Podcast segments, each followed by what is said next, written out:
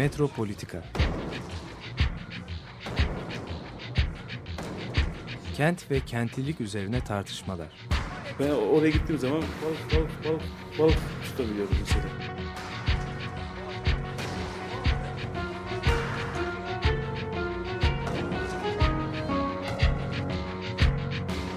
Hazırlayıp sunanlar Aysim Türkmen, Korhan Gümüş ve Murat Güvenç. Takusuyor yani. kolay kolay boşaltamadılar. Yani elektrikçiler terk etmedi Perşembe Pazarı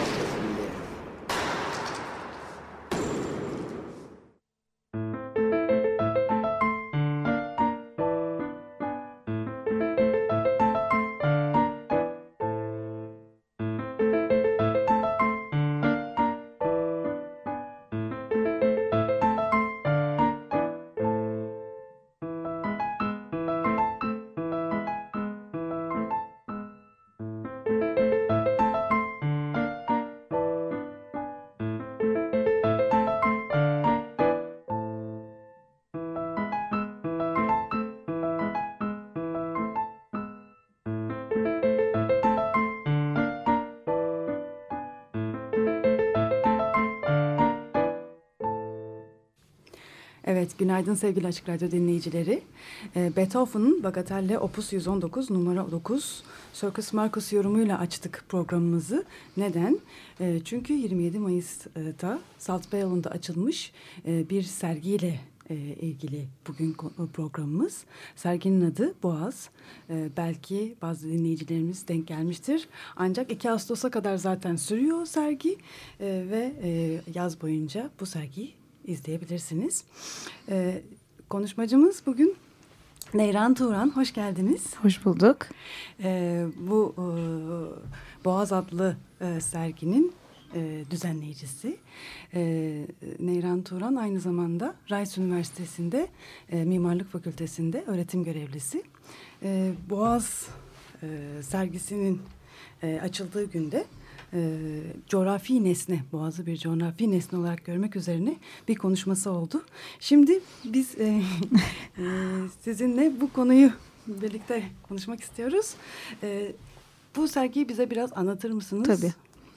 Ee, sergi e, enstalasyon e, diyelim çünkü e, içinde aslında sergilenen e, içerik anlamında ne bileyim fotoğraflar, çizimler gibi şeyler çok yok.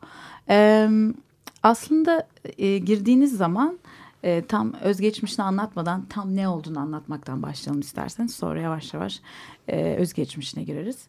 E, iki parçadan oluşuyor. Birincisi e, Boğaz'ın e, kıyı çizgilerinin yükseltilmesiyle ama topografyadan bağımsız, topografyasını göstermeden tamamen kıyı çizgilerinin yükseltilmesiyle oluşan bir coğrafi nesne ilk başta görüyorsunuz forma girdiğiniz zaman. Beyaz. Beyaz duran, haha, girişte duran e, nesne. Neden yapılmış? Ee, da o e, aslında bu çok soru çok geldi. Şu anda radyoda bunu açıklayarak. e, aslında açıklamamayı tercih ederim böylece. Tamam. Çünkü yok Buzdan edeceğim yapılmış. yok hayır. Ama Yavaş çok yavaş. dokunma e, dokunan çok gördük bu 3-4 gün ki sadece perşembe günü açıldı. E, aslında stropor malzemesinden e, yapıldı. Ama üzerine 2-3 kat işte e, tutkal ve boya e, uygulanınca tam e, stropor olduğunu algılamıyorsunuz ilk başta. Daha e, o girintili çıkıntılı bölümleri gözükmüyor ama temeli stropor e, boyandı üzerine ve beyaz olarak boyandı. Zaten malzeme de beyazdı. Bu birinci parçası. Ee, ve e, nesnenin kendisi e, otururken forum e, salt forum girişinin içinde öyle bir ayarlandı ki ölçeği. Çünkü bu bir maket değil. Gördüğünüz nesne aslında maket gibi anlatıyorum ben onu. Bir ölçeği var ama ölçeği öyle bir ayarlandı. Bir kere topografyası olmadığı için soyutlanmış bir maket. Yani tam baktığınız zaman aslında ben size bunu söylemeseydim veya serginin başlığı boğaz olmasaydı boğaz olduğunu sanmıyorum ki e, anlayacaktınız. E, aynı zamanda e, ölçeği öyle bir ayarlandı ki en dar noktası yani boğazın en dar noktası planı doğru 85 santim yani minimum artık bir mumdan da biraz daha az kapı genişliğine ayarlanacak derecede ölçeği ayarlandı. Ve kolonlarda da böyle bir e, kurgusu var. Bazen kolonlar objenin içinde bazen dışında. Bu birinci parçası. İkinci parçası içinden yürüdüğünüz arka tarafa geçtiğiniz zaman forumda e, bir sessiz filmden. Aslında coğrafi hikayeden oluşuyor diyeyim. Yani öndeki coğrafi nesne diyorum ben ona. Bunu konuşuruz. E, arkada da bir coğrafi hikaye var. Hikaye çünkü e, bunu bir sessiz film formatında sunuyorum ben. E, E, hikaye e, 2025 yılında e, Oilella isimli tamamen gerçek bir tanker değil. Oilella isimli bir tankerin e, dünyanın en büyük tankerinin boğazda sıkışması çok büyük olduğu için yanlışlıkla sıkışması üzerine e, kurulu. Bu kurgudan hareketle bunu anlatan ve bunun üzerine e, diğer gördüğünüz görseller de aslında o filmden görseller. Onun üzerine gelişen olayları daha çok e, bu e, önce kaza gibi gözüken şeyin daha sonra fırsatçılık, rant gibi e, parametrelerle e, şehirciliğe dönüşmesi. Yani e, burada tabii tankerin şehirle olan ilişkisi üzerine bir çalışma ama başka şeyler de görüyorsunuz bunda. Böylece iki şeyden oluşuyor yani enstalasyon. Bu filmin e, gir, programımızın girişinde dinlediğimiz müzik de bu filmin Evet, e, filmden müziği. bir müzik. Sessiz film tabii sesi var ama ses sadece eski Charlie Chaplin e, filmleri gibi sadece e, kurgusal. Yani arada yazı görüyorsunuz olaylarla ilgili bir e, arkadan ses anlatan biri yok ve müzik var o kadar. Hikayeler bunlar aslında kimi zaman da e, kurgulanıp mekanda gerçekleştirilmiş oluyor. Hikayenin kendisi bir mekan kurgusu haline gelebiliyor. Hı hı. Ben mesela şeyi hatırlıyorum. Benim çocukluğumda yani küçükken e, orada dayımın e, işte Kuzey Deniz Sağ Komutanlığı'nda görevli olmasından dolayı e, ve şeyde meraklı olduğum için böyle tarihi yerlere dolaşırdım. E, o bölgede yasak bölge aslında hı hı. orası. Ve o zaman şey dikkatimi çekerdi. Hurdaya ayrılmış ne kadar gemi e, şey varsa silah hepsi oraya depolanmıştı. Onlar e, özellikle Rus gemileri geçerken yani Soğuk Savaş hı hı. döneminde e, orada aslında silah görünümlü e, çalışmayan toplar vardı. Hı. Bunlar mesela işte Yavuz gemisi diyelim hurdaya e, atıldığı zaman onun bütün toplarını söküp boğaza yerleştirmişler. Ya da işte diyelim başka bir gemi çünkü işte fotoğraf çekildiğini biliyorlar geçen tankerlerden ve o zaman da işte e, Boğaz aslında sivil geçişlere açık olduğu için Montreux Anlaşması'yla ama herhangi bir tehdit olduğu takdirde özellikle de hani Stalin sonrası galiba bu şey Stalin döneminde belki olmuş olabilir. Boğaz'a muazzam bir yığınak yapılmış ama onlar tiyatro dekoru. Hiçbiri çalışmıyordu. Bütün oradaki toplar hepsi paslanmış ama uzaktan boyaları falan böyle yerinde yani şeyi. Mesela böyle tuhaflıklar var bizim Boğaz'ın şeyinde derinliklerinde görmediğimiz değil mi? Evet çok haklısınız. Aslında bu bir yine görsel olarak önemli ama belki de çalışmıyor. Yani toplar çalışmıyor Hiçbiri ama çalışmıyor. öyle görünmesi hep evet. önemli. Aslında Boğaz'ın tarihine baktığımız zaman sanki ön görünüm deriz ya biz hani ön görünüm alanları. O görünüm Boğaz'ın 30'larda falan da Montreux olduğu zaman da aslında e, çok önemli bir parçası. Benim bu enstalasyonun aslında özgeçmişi daha akademik ortamda hazırlanmış bir doktora çalışmasından geliyor. Ama da bir doktora çalışması enstalasyon yapma üzerine kurmadı. Bu sadece onun ondan gelişmiş bir dipnot diye düşünelim.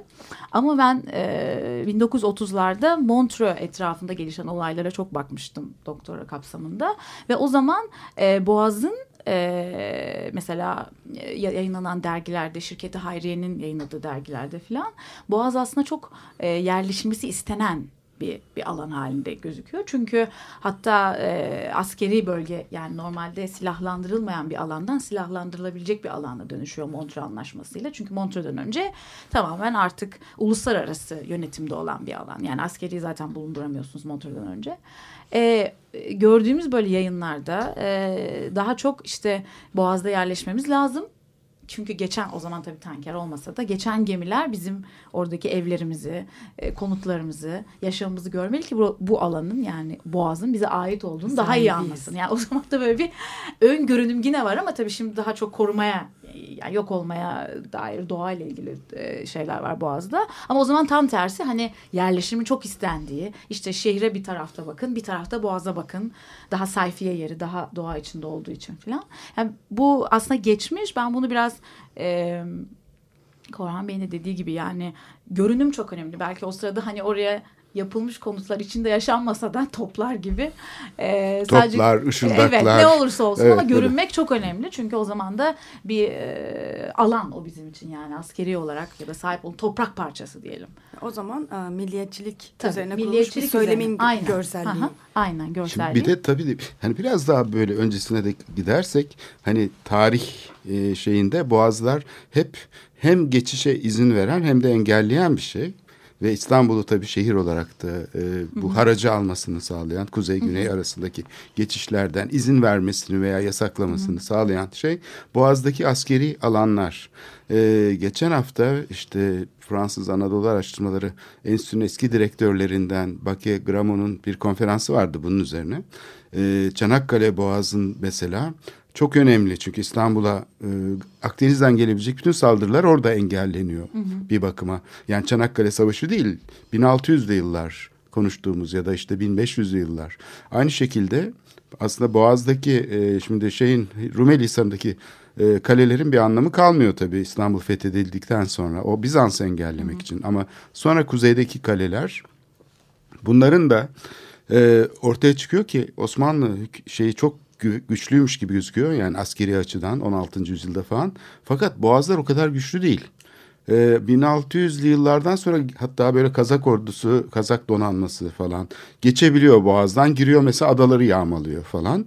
E, bunu engelleyemiyor yani Osmanlı e, devleti yani e, şey ne kadar güçlü olursa olsun Muhteşem yüzyıl dönemi.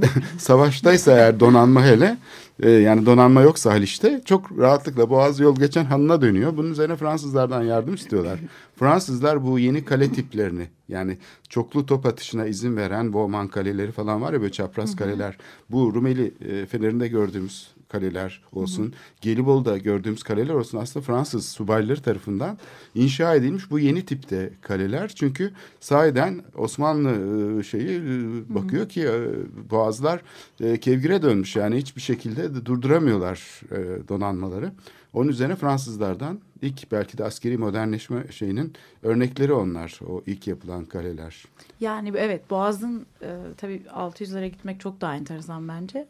Boğaz'ın bizim için daha çok şehirler için diyeyim. Şu anda İstanbul'da artık yaşamıyorum ama burada çok yaşadım ve e, göründüğü ve anlaşıldığı şekliyle aslında tarihi, jeopolitik çerçevesi falan çok daha farklı şeyler sunuyor bize. Beni zaten ilk başta en çok e, bu Montreux konusu falan daha sonra tabii araştırarak bulduğum şeyler ilk başta e, akademik olarak bilmediğim şeylerdi ama e, mesela şey videoları çok çekmiştim böyle buraya geldiğim zamanlar işte tankerlerin geçişini mesela. Yani bu kadar büyük e, çapta bir yani sonuçta bomba gibi bir e, içinde petrol taşıyan bir e, Bomba gibi olmuş olan diyelim.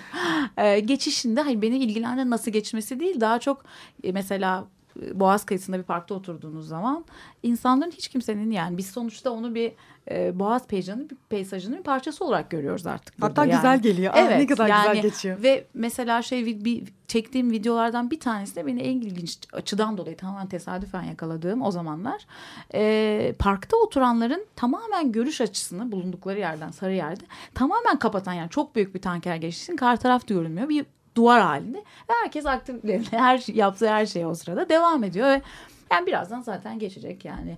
Ee, çok alışık olduğumuz bir kentin bir parçası. Biraz böyle e, o paradoks beni aslında itmişti buna. Yani e, nasıl oluyor da biz buna Bu kadar tepkisiz. tepkisiz ama bu şey değil yani demek istediğim burada ay tepki göstermeliyiz ama hayır demeliyizden çok nasıl oluyor bu paradoks bir arada bulunabiliyor.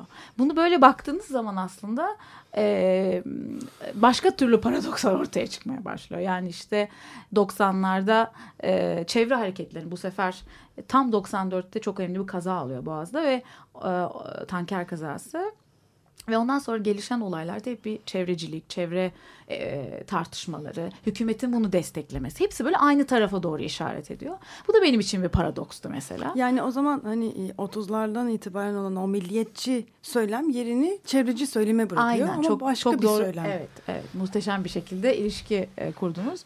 E, ben e, buna bakarken bu sefer bu ikisi nasıl oluyordu aynı? Çünkü genelde çevrecilik hep hani hükümet e, karşılıklı genelde dünyada da öyle e, korumacılık veya bir development yani geliştirme üzerine ya yol ya başka bir şey. Diğeri hayır durun biraz daha düşünün diyen bir şey. Nasıl nasıl oluyor nasıl, oluyor da bu ikisi aynı şeyi Örtüşüyor. söylüyor diye bir aslında Örtüşmede hani, de bir tuhaflık evet, var. paradoks dediğim gibi. Karşıtlık Karşıtlık olması değil. gerekirken. Ve ona baktığınız zaman da hemen e, bu tabii çok büyük e, hani dedektif araştırmaları değil tamamen biraz okuduğunuz zaman karşısına çıkacak. E, görüyorsunuz ki o zamanlar 90'lar aslında Bakü Ceyhan boru hattının e, hükümet tarafından istendiği, e, teşvik edildiği bir dönem. E, o zaman tabii Boğaz e, Bakü Ceyhan hattına tamamen alternatif bir rota. Yani eğer Boğaz kullanılmazsa daha çok Bakü Ceyhan bu boru hattı kullanılacak. E, ve e, para olarak da yani geçiş olarak Boğaz çok daha ucuz. Yani biri e, iki sent ise biri bir dolar e, barrel yani e, petrolün miktarına göre e, tabii petrolden yani pattan geçirmek de daha e, ekonomik olarak iyi. E, o zaman bakıyorsunuz ki aslında hükümetin e, tabii öyle politikaları da var. Yani tabii burada ben böyle e, benim ben gazeteci değilim yani benim burada bulmaya çalıştığım bakın aslında böyle bir şey oldu bunu politik olarak ortaya çıkarmaktan öte e, tabii akademik ortamda e, önemli ama bu enstelasyon kapsamında daha çok e, çevre dediğimiz şey biraz parantez içine almak. Biraz daha daha doğrusu parantezi biraz daha genişletmek. E, çünkü yani mimarlık alanında da şöyle şeyler olmaya başladı. Yani kimliğim sonuçta eninde sonunda mimar benim. Yani o açıdan bakıyorum. Son yıllarda e, bu çevre şu iki tane aslında paralel böyle birbirini besleyen e, ekol mi diyeyim, yaklaşım diyeyim oluştu. Birincisi daha çok böyle çevre mühendisliğinden veya iş yönetiminden gelen kavramlar. Mesela işte randıman, performans veya problem çözme. Çünkü mühendislik problem çözme üzerine dayalı bir meslektir. Ona saygım var ama ben sonuçta mimar olarak her zaman tam tersi. Bir problem verildiği zaman bana bu evde olabilir illa jeopolitik e, çerçevesi olan bir konu olması gerekmiyor. E, her zaman o problemi müşteri konteksti olabilir. Hep o problemi yeniden tanımlama, o problemi tekrar anlama e, gibi bir yaklaşımımız vardır. Hemen problemi çözme fonksiyonel bir boyutta Örtüyü var. kaldırma. Ama. Evet, aynen öyle. Yani onu görünür kılmak çünkü. Aynen, görünür kılmak Görünenden başka bir şey. Bir şey olduğunu e, anlamaya çalışmak. E, bir birincisi bu. Daha böyle çevreyi sistemik diyorum ben ona. Yani sistem olarak görmek. E, çöz, çözülebilir bir sistem olarak gören bir yaklaşım. Rasyonel. Rasyonel, e, pozitivist diyebiliriz Pozitivist. buna. Bilime dayalı. Kötü bir şey değil yani bunun olması lazım ama bu e, böyle bir işte bunu Teknokratik Sadece bir şey. Teknokratik. Evet. Tek yol olarak Tek yol. diyoruz. Teknofix de deniyor buna başka Teknofix. çevrelerde. Yani İklim değişikliği, evet, Evet. teknolojiyi buna koyarsak bu da buradan çözülür. Fix. Yapılması Tamir. gereken o da bir iş olabiliyor İş. mesela. İşte e, Aha. çevre etki değerlendirme Aynen raporu öyle. hazırlanacaksa onun uzmanı var. E, Bizim istediğimiz gibi. Yani önce projeyi yapalım. Sonra da şey yaparız. Çözelim. Raporunu da alırız. Aynen. İşte bu sustainability, çevrecilikten lead binaları, yeşil binalar onlara kadar aslında ölçekte gelen e, sonuçta sonuçları da var bunun. Öteki tarafta da bunu aslında biraz ters de demeyeyim, paralel diyeyim çünkü bunlar her zaman birbirine ters olmayabilir. Daha korumacılık üzerine. Burada tabii kent hep e, ölçek olarak kentten bahsediyoruz ama sınırları genelde e, kentte duran ama benim burada anlatmaya çalıştığım korumacılık üzerine, doğacılık. Ekoloji her zaman yanında nature yani doğayla eşleştiren bir yaklaşım. Ee, el değmemiş işte İngilizce'de wild nature denilen hep bir o böyle nature doğa dediğimiz şey hiçbir zaman el değmeyecek o değerli hazine. Şimdi beni bu rahatsız eden bir şey çünkü yani e, yaklaşım olarak çok ikisini de çok e, sınırlı buluyorum. E, hepimiz biliyoruz ki sonuçta ekoloji dediğimiz şey, çevre dediğimiz şey içinde çöp olanları da olan, e, petrol alım yerleri olan yani resource kaynak olarak bize kaynak sağlamaya çalışan alanların olduğu e, atıklarımızın toplandığı mızın diyorum çünkü bunların hepsini biz yapıyoruz yani. Bunları biz üretiyoruz insanlar üretiyor. E, ve aynı zamanda ormanların e, nesli tükenmekte olan hayvanların hepsinin bulunduğu bir tüm. E, bana göre hani bunları ayırmak birinde daha çok gelişmeye işte çözelim çözelim. Öbür tarafta korumaya dayanmak hani onu birazcık çevrenin parantezini genişletmek. Bu çalışmada da enstalasyonda da aslında film biraz öyle bir rol üstleniyor. Ee, o paradoksları biraz ortaya çıkarıyor. Yani çevrenin aslında bir e, şey olarak temsil edilen olarak inşası. Evet. Mesele bu. Evet. Bir tanesi daha çok piyasa mantığıyla gerçekleşen Aha. e, ve e, ihtiyacı karşılamak üzere tanımlandığı için de aslında kritik bir düşünce içermeden düz bir cevap veren. Evet. Diğer ise e, eleştirel bir şeye sahip. Fakat o da e, bu iktidar karşıtı gibi gözüken yani müdahale karşıtı gibi gözüken bu, bu yüzden de irrasyonelmiş gibi gözüken şey. Yani bu ikisi de aslında e, şey açısından tanımsız bıraktığı ya da bilinçaltına ittiği bir şey Aynen. aslında çevre. Çünkü e, nesneleştirilmesi, çevrenin nesne olarak inşa edilmesi aslında o da bir tahakküm biçimi. Tabii. Çevreyi çünkü k- k- temsil eden şeyin içinde tanımlamaya başlıyor. Evet. Kendi temsil hakkını ortadan kaldıran bir şey aslında. Evet. Ben daha iyi bilirim sen bilmiyorsun gibi mesela hani bu köprü mücadelelerinde hep birinci köprüde falan iktidara karşı çıkarken işte e, İstanbul'un su kaynaklarını kirletecek falan derken aslında bunu teknik bir şeymiş gibi gösteriyor. Yani bunun aslında yaşamla olan etkileşimini, insanlara yaratacağı sonuçlarını anlatmak yerine hani sen bu işi bilmiyorsun. Çıkan Evet. mesaj bu. Evet. Ben daha çok biliyorum, daha iyisini biliyorum der gibi bir e, şeye kavuşabiliyor bu söylem. Yani benim aslında burada e, negatif gibi e, belki başta şey yapabilirim. Aslında pozitif bir yöne gitmeye çalışan bir yaklaşım. Parantezi genişlettiğimiz zaman aslında daha derin, daha incelikli tartışmalara da yol açıyor. Ben sadece İstanbul kapsamında tabii bunu düşünmüyorum. Benim derdim aslında genelde dünyada olan bir şey bu. E, bu hani iklim değişikliği, global ısınma gibi tartışmalar da hani sadece bir yol yapalım onu koruyalım olarak değil ya da şu anda bizim gördüğümüz İstanbul'daki sorunlar değil daha büyük e, dünya aslında artık kapasitesi bitmiş ve bunu nasıl kurtarabiliriz tartışmalarında bile e, aslında çok kritik e, bu biraz önce anlattığım sistemik mühendislik, teknofix, teknofix kelimesi çok kullanılıyor bu kapsamda. E, na, e, eleştiren insanlar var ki bu insanlar mesela benim en çok beğenerek okuduğum Michael Mike Hume diye bir coğrafyacı ve e, iklim bilimcisi. O daha çok iklim bilimci olarak yani bir bilim adamı olarak çalışmaya başlamış ama daha sonra artık bu tartışmaların hepsi kültürel olmalı. Yani bunlar bilimsel tartışmalar değil diyerek e, kendini daha coğrafya e, tarafına itmiş ve şu anda e, İngiltere'de e, tam şu an açılımını unuttum ama Culture of Climate Change mesela e, iklim değişikliğinin kültürü diye bir master programının kuru- kurucusu. E, böyle insanlara da ben aslında çok bakıyorum. Sadece hani küçük ölçekte e, yol veya kanal diyelim hani kontekste gördüğümüz proje olarak değil de genel anlamda aslında bu Teknofix e, çok yaygın bir bakış açısı ve onu eleştirenin aslında daha geniş kapsamda düşünmemizi e, gerektiğini düşünen de çok insanlar var. E, bir yandan da işte e, hani dedik ya bir hani e, o 20'lerden başlayan bütün dünyada olan bu milliyetçi o zaman hani milli coğrafya hani coğrafya milli olması e, döneminden sonra e, tam da aslında 90'larda ona e, serginin açıklamasında da bundan bahsediyorsunuz. E, başka bir e, döneme geçiliyor. evet. Yani burada da İstanbul çok acayip önemli bir noktada duruyor. Ee, do- o 20'lerde 30'larda önemini kaybetmiş olan bir şehir 90'larda tekrar yani milliyetçilikle aslında önemini kaybetmiş olan bir şehir. Evet. Niye milliyetçilik? Bir başkent niteliğini yitiriyor.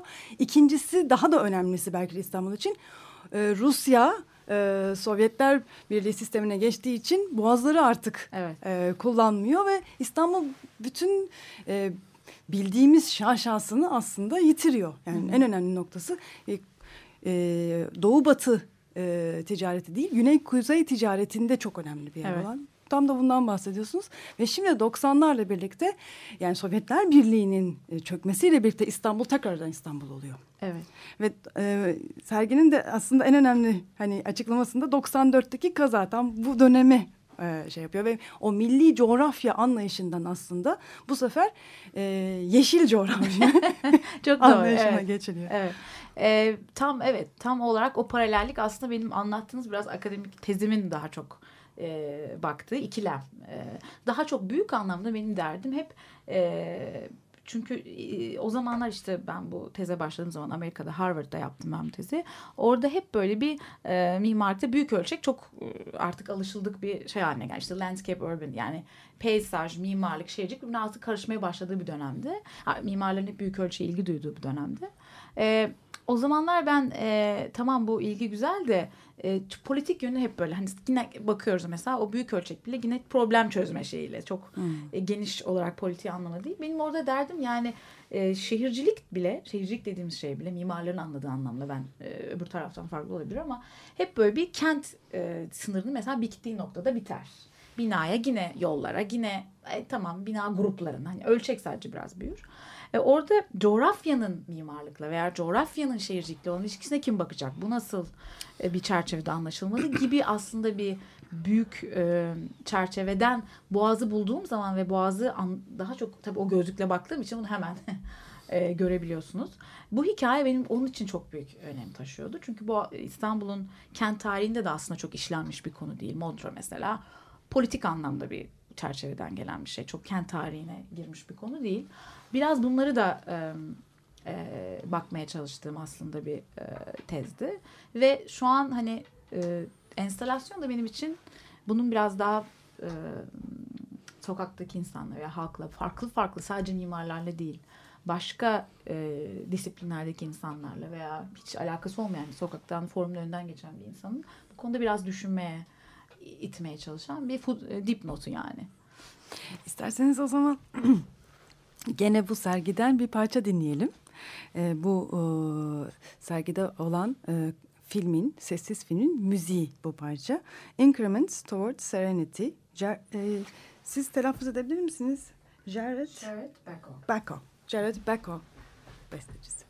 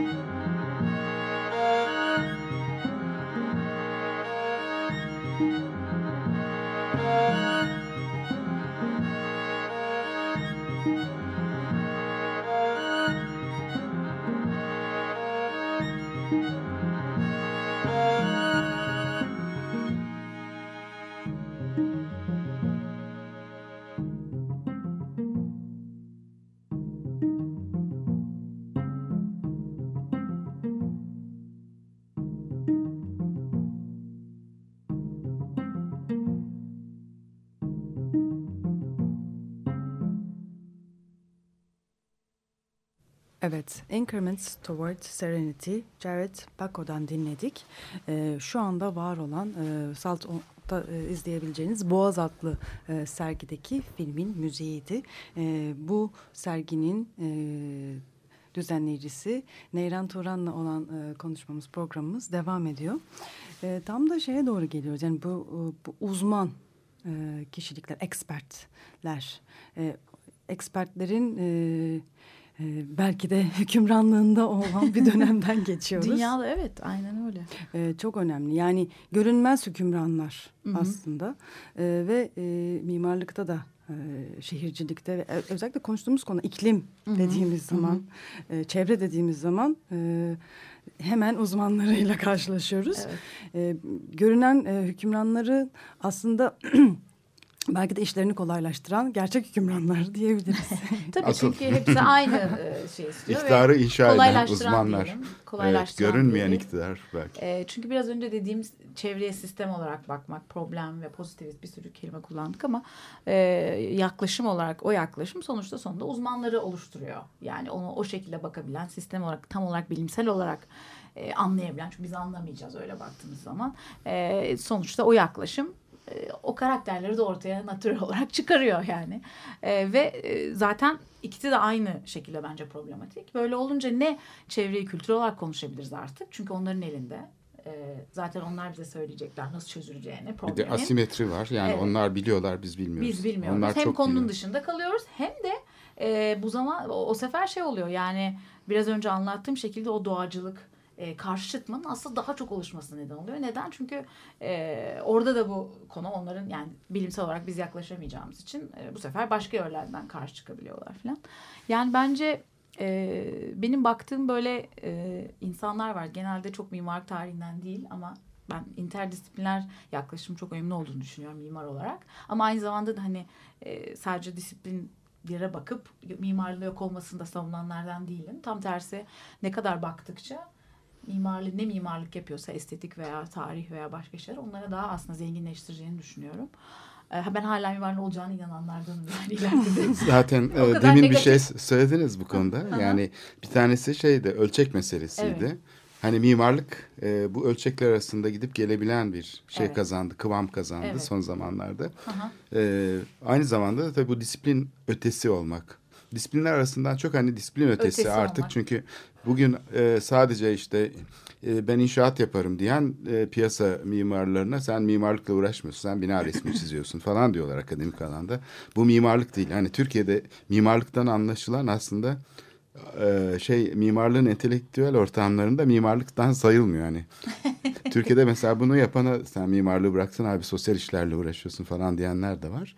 Ama yani mimarlıkta tuhaf bir şey var. Böyle ikili bir şey o- oluştu Evet değil mi? aslında onu e, biraz açmak lazım. Çünkü dünyada da e, gördüğümüz yine şeyler hani bir taraftan e, e, ben işte mimarım e, benim sorumluluğum ev yaparım müşterim olur ve yani bu niye genişletiyorsunuz? Niye kendinizi problem çıkarıyorsunuz? Satılamayacak şeylerle yapın. Uğraşıyorsunuz. Bir yaklaşım. Çevreymiş, Öbür iklimmiş. taraftan da tam tersi yani ben bunu da çok gördüm. Daha çok çalıştığım hocalarımla Amerika'da yani kendini daha çok işte urbanist ya da kentçi mi diyeyim yani büyük ölçeklerde çalışan mimarların Bütünsel bakan. e, daha geniş bakanlar hani niye mesela nesne diyorsun neden estetikle niye ilgileniyorsun why est yani neden estetik aslında e, ben de tam da estetik yani. Bence bütün bu e, hani konuştuğumuz problemlerin diyeyim saptadığımız e, durumun aslında içinde bence e, hani negatif her şey çok kötüye gidiyor yapacak hiçbir şey kalmadı hiç öyle bir yani bakış açısında değilim. Tam tersi aslında e, mimarların biz eğitimimizde bakış açımızda e, önce ilk dediğime cevap vereyim ben böyle atlayarak gidiyorum ilk olarak yani ben mesela bir mimar olarak duvarın da çatının da evin de önemli bir şey olduğunu düşünüyorum. Hani illa büyük ölçeklerle ilgileniyorum diye onlar "Hmm, onlar çok önemli şeyler değil. En büyük dünyayı kurtaracak değişiklikler yapmalıyız falan diyen mimar değilim. Bence her ölçeğin kendine has gereksinimleri var. Onları verebilmek lazım ve mimarlık bunu verebilen bir şey. Öyle bir buna ben e, ölçek faşizmi diyorum bazen. E, bir ölçek e, faşizmine karşıyım ben. Öyle bir yaklaşımım yok. Büyük ölçek olmalı veya hep küçük ölçek olmalı gibi bir e, bana saçma geliyor. E, ve aynı zamanda da yani bu eğitim sonuçta bir eğitmenim de aynı zamanda yani kendi Houston'da bir küçük mimarlık ofisimiz var. Ee, küçük işler de yapıyoruz bazen küçük derken küçük ölçekte ev gibi restorasyon gibi işler de yapıyoruz ama e, eğitmen olarak da bunu vermek zorundayım öğrencilere. Çünkü o öğrencilerden bazıları gerçekten mimar olacak yani ofisi olacak e, imzalayacak çizecek bazıları olmayacak bazıları o eğitimi alacak ve çok alakasız disiplinlere, çok farklı alanlara kayacak ve aslında onlar bizim için de bir hazine. Çünkü onlar bizden eğitim alarak e, mimarlığa, çevreye bakmayı öğrenecek. E, onlar, onun için onlara verdiğimiz eğitim yani sadece mimarlık ne olmalı değil, e, çevre ne olmalı, dünya ne olmalı gibi böyle rollerimiz de var bence. E, ama estetiğe biraz önceki konuya gelirsek, e, o noktada bence estetik e, becerimiz e, çok yani sadece hani e, müşterinin bize verdiği biraz önce konuştuğumuz problemi tanımlama becerimizde olduğu için o yönlere kayabilir. Yani benim aslında o verdiğim konuşmada geçen hafta ve bu e, enstalasyonda anlatmaya çalıştığım, ilgilendiğim acaba çevre bir sistem değilse yani onu bir ben olmadığını düşünüyorum. Hani biraz önce anlattığımız nedenlerden dolayı. Çevreyle estetik arasında daha farklı ilişkiler kurulabilir mi? Aslında bu enstalasyonun en büyük başlığı, çıkış noktası, boğazdan da öte bu. Ee, bunu da böyle e, hem bir obje, nesne, işte forma oturan nesne e, yapmaya çalışıyor. Çünkü girdiğiniz zaman o hem alışıldık boğaz hem de değil. Çünkü e, bir kere topografisi yok. E, o alınmış ondan soyutlanmış. E, ikincisi bu dip bir nokta. Çok e, ana çıkış noktası değil sergide ama e, profillerini de öyle bir yaptık ki kıyı çizgilerinin yükseltildiği zaman aslında biraz karton piyer profilleri gibi gözüküyor. E, ölçekte. Yani coğrafi ölçek çok daha mimari hatta dekorasyon ölçeğini indirgenmiş bir şekilde size sunuluyor. E, düşündürüyor sizi sonuçta böyle bir rolü var. Arkaya geçtiğinizde filmde de aynı şey var aslında. Ben filmi e, e, gördüğünüz zaman bir e, gelecekte bir şey olduğu için 2025 yılında İstanbul. E, bu bir topik bir çağırma değil film. E, derdim biraz negatif gözükebilir. Çünkü olaylar gelişiyor. Bir, aslında karanlık bir ekoloji oluşuyor. E, buradaki ne aynı o nesnede olduğu gibi ben bir yerde bahsederken buna slightly unfamiliar demiştim. Türkçesi hafif e, alışılmadık e, bir e, etki yaratıyor. Çünkü filmde aslında bazı şeyler veya hikayede olası. Yani tankerler boğazdan geçiyor, rant var. Yani bazı şeyler çok olası ama hafif alışılmadık bir şekilde size sunuluyor. Sizinkinde Kanal İstanbul evet. yok yani onu anlıyoruz. E, Garip. aslında Kanal İstanbul'un konusu da e, e, Kanal İstanbul yok. E, ama Kanal İstanbul'un konusu da çok komik bir şekilde bence e, ilişkili bu çalışmayla. Çünkü ben o biraz önce bahsettiğim 90'larda tankerler hani bir şey olarak kullanılırken işte tankerler geçmesin çok çevreye kötü zararı var. Petrol, petrol boru hattı olsun aslında oradaki e, ana mesaj. Şimdi de hani kanal projesi de aynı şekilde e, kanal projesi de aynı şekilde tankerler ama işte boğazdan geçiyor alternatif bir kanal çok iyi olacak diye sunulunca Harika. aslında çok komik bir yani ben bu çalışmayı 90 yani çalışmayı yaptığım zaman kanal diye bir şey yoktu.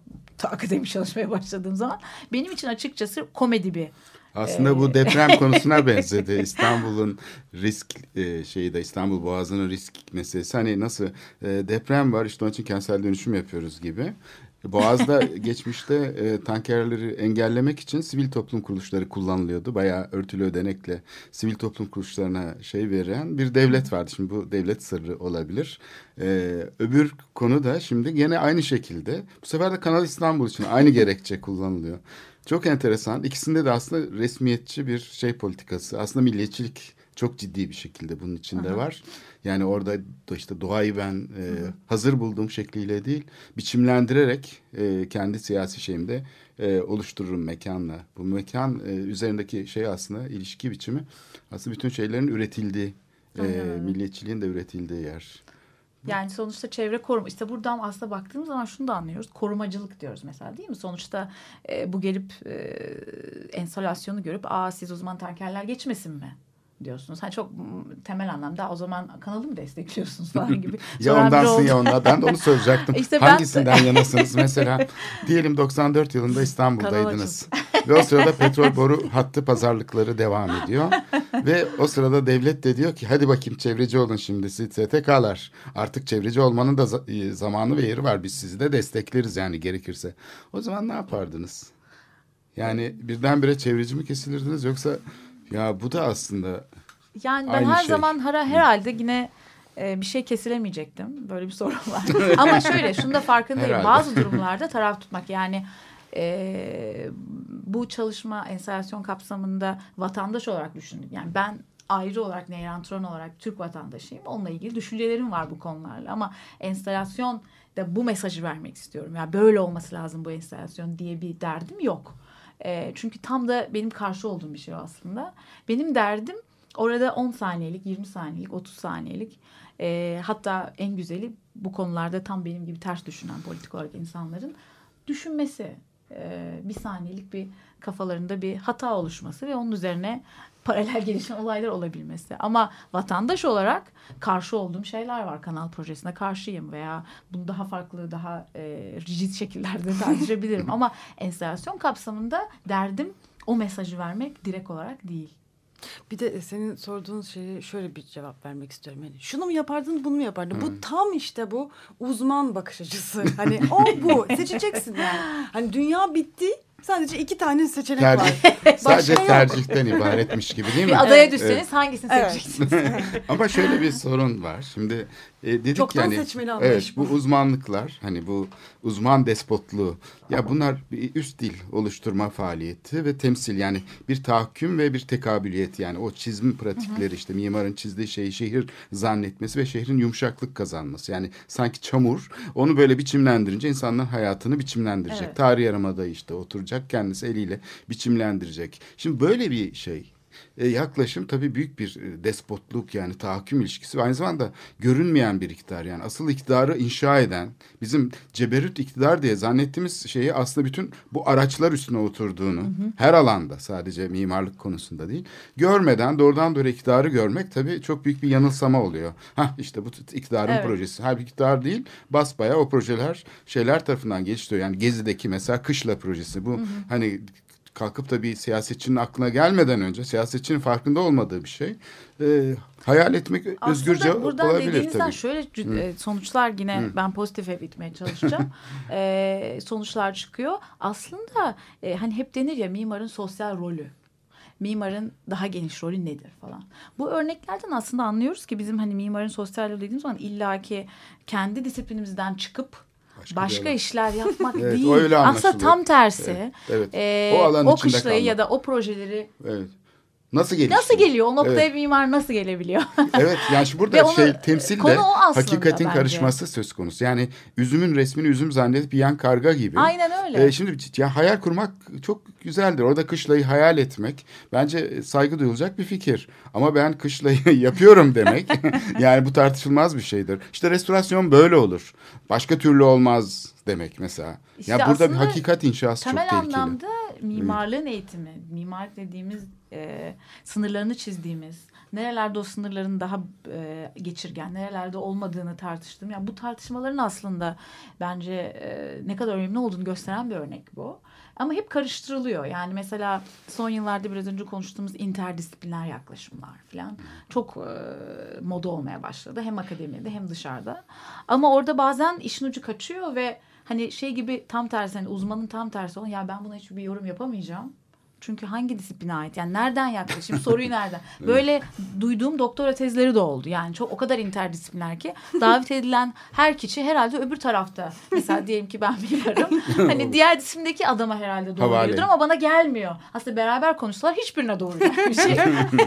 gibi durumlar da ortaya çıkıyor. Yani onun için interdisipliner hani biraz önce onu söylemeye çalıştım. Inter, çok başka disiplinlere bakan hani hep konuştuğum isimler farklı alanlardan isimler ama ben bunu hani mimarlığın kendimi artık mimarlığın sınırları yıkılmış. Ben hep e, onları okuyan bir insan olamam. Zaten olamam çünkü hiçbir zaman onların yaptığı işi onlardan daha iyi yapamam. E, ben ancak mimarlığı yaparım. Onun için yani e, temel anlamda bize ne getiriyor? O yeni bilgiler bizim mimarlık sınırını hep o sınır kötü bir kelimedir ama benim için iyi bir kelime. O sınırları nasıl yeniden e, inşa etmemizi, o ilişkileri nasıl tanımlamamızı gösteriyor. Ben bununla ilgileniyorum. Yoksa e, dediğim gibi hani bir mimar gelip de coğrafi nesne dediği zaman artık yok olmuştur herhalde. Sadece coğrafyadan konuşabiliriz diyeceğim gibi. Mesela başlıktan belki bazılarına öyle gelmiştir ama aslında ben tam tersine e, düşünen biriyim. Yani ne kadar aslında açıldıkça bence o kadar içeriye daha çok getirebiliriz ve içeri dediğim e, ne tanımlıyorsak mimarlık için. Peki son için. bir soru madem şeye geldik. Yani bu uzmanlık e, dili.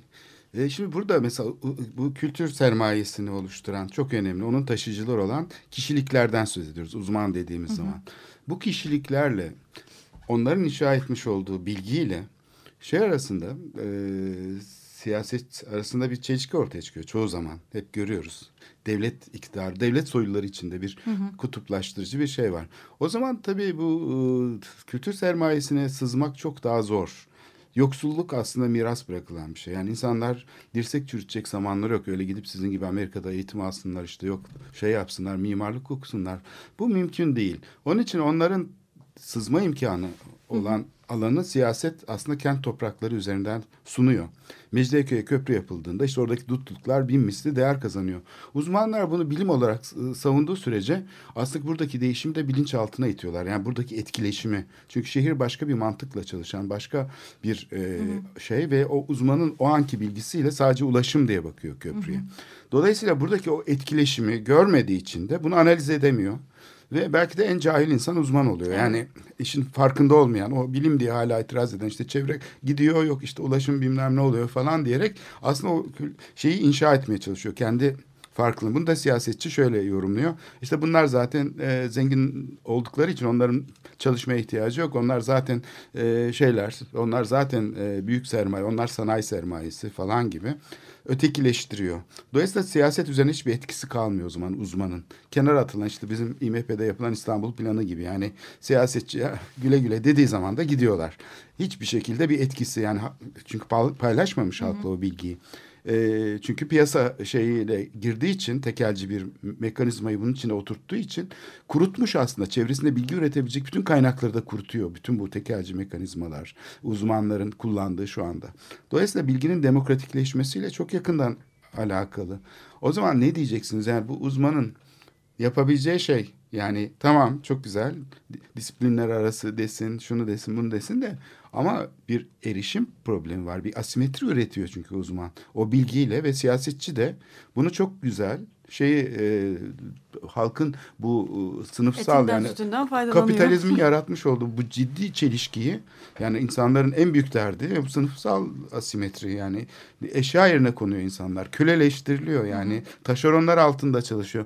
Bu çelişkiyi çok güzel kullanıyor. Bakın bu sizin zengin olmanızı yükselmenizi istemeyen e, şeyler solcular falan gibi uzmanları çok güzel öteki tarafa yerleştiriyor sizce yani buna karşı uzmanın e, şeyi yok mu? Yani tabii- Nasıl dayanacak yani bu Vahşi Bence aslında duruma. genelde genel anlamda çok tabii uzun süreler gerektirecek değişimler bunlar ama yani temel anlamda bence e, ben biraz önce eğitimde ona değindim.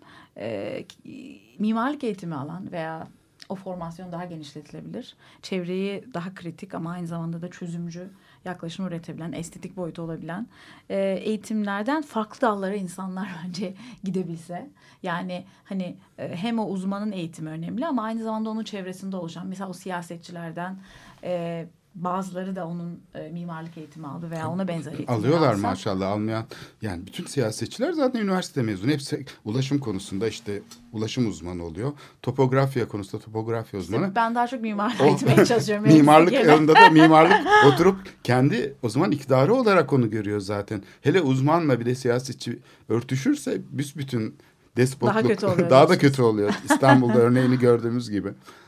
Ee, yani bunu nasıl şey yaparız? Mesela Sulukule projesinde hani e, şimdi bir itirazlar başlayınca e, belediye birdenbire aa dedi sosyolog ve şeyler de çalışması gerekiyormuş dedi. Antropolog. Antropolog ondan sonra onlar da işe alındı mesela aynı projede. Çok komikti yani hiçbir şey değişmiyor yani sonuçta.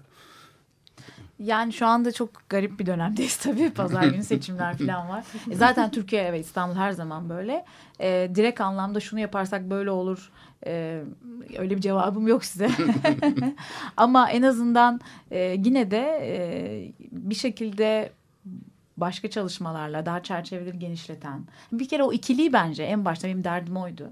O ikiliği birazcık e, yok etmeye çalışan. Hani bir tarafta koruma, bir tarafta e, development, gelişme üzerine sistemik bak bakışlar. Onları aslında kabul etmeyen insanlar çoğaldıkça sonuçta o dediğiniz despotluğu yaratmak daha da zorlaşacaktır. Çünkü bir şekilde bir o faşizm yani e, ya bu taraftasın, bu tarafta mısın, bu tarafta mısın durumunun İkisi sorulmadığı şiddet hep beraber oturup şeyler. konuşmalıyız diyen insanlar çoğaldıkça bence sayıdır bu yani. Gezi Parkı'nda da aynı şey oldu. Yani sayı. Bence aslında sayı çok bilgiyi önemli. şiddetsizleştirmek belki de tekabüliyeti şiddetsizleştirmek. O masayı bence masanın hani Bu, masada evet. 3 üç kişi, Evet. 5 kişi, 6 kişi o sayı arttıkça ya bir dakika bizim derdimiz o bucu değil. Biz hakikaten olayları daha çok iyi anlamak istiyoruz. E, Çözmeden önce anlamak istiyoruz. Daha iyi anlamak istiyoruz. Hemen yarın çözmek değil önce anlamak istiyoruz. Daha sonra çözeceğiz. O masa bence büyüdükçe Gezi Parkı kadar büyük bir masa oldukça diyelim. Evet. E, ben e, onun daha kolay olacağını düşünüyorum. Böyle bir aslında direniş de başladı. Yani dünyada da var. Ee, Türkiye'de de var. Yani bu Evet. HES'lere karşı olan Olmamış bir şey değil. Sadece dernekler- zaman gerekiyor. Evet. E, Bir de daha işte kamu sistemleri de buna göre değişti yani birçok ülkede. Yani hepsi böyle Türkiye gibi neoklasik devlet modelinde örgütlü değil. Dünyada birçok şey var yani kurumsal şey. Mes- Özellikle meslek insanlarının bu süreçteki rolünü bağımsızlaştıracak mekanizmalar, dispozitifler geliştirildi bütün Avrupa Birliği'nde. Yani bu çok önemli bir alan. Evet e, programın sonuna geldik. Çok teşekkür ediyoruz. Çok teşekkür Evet, ediyorum. olun. Turan. Çok sağ olun. İyi haftalar.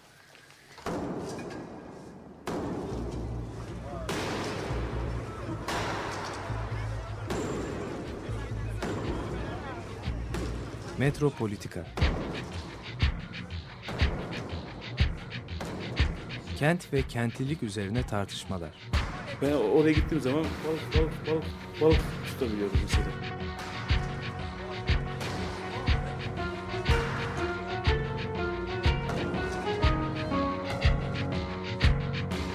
Hazırlayıp sunanlar Aysin Türkmen, Korhan Gümüş ve Murat Güvenç.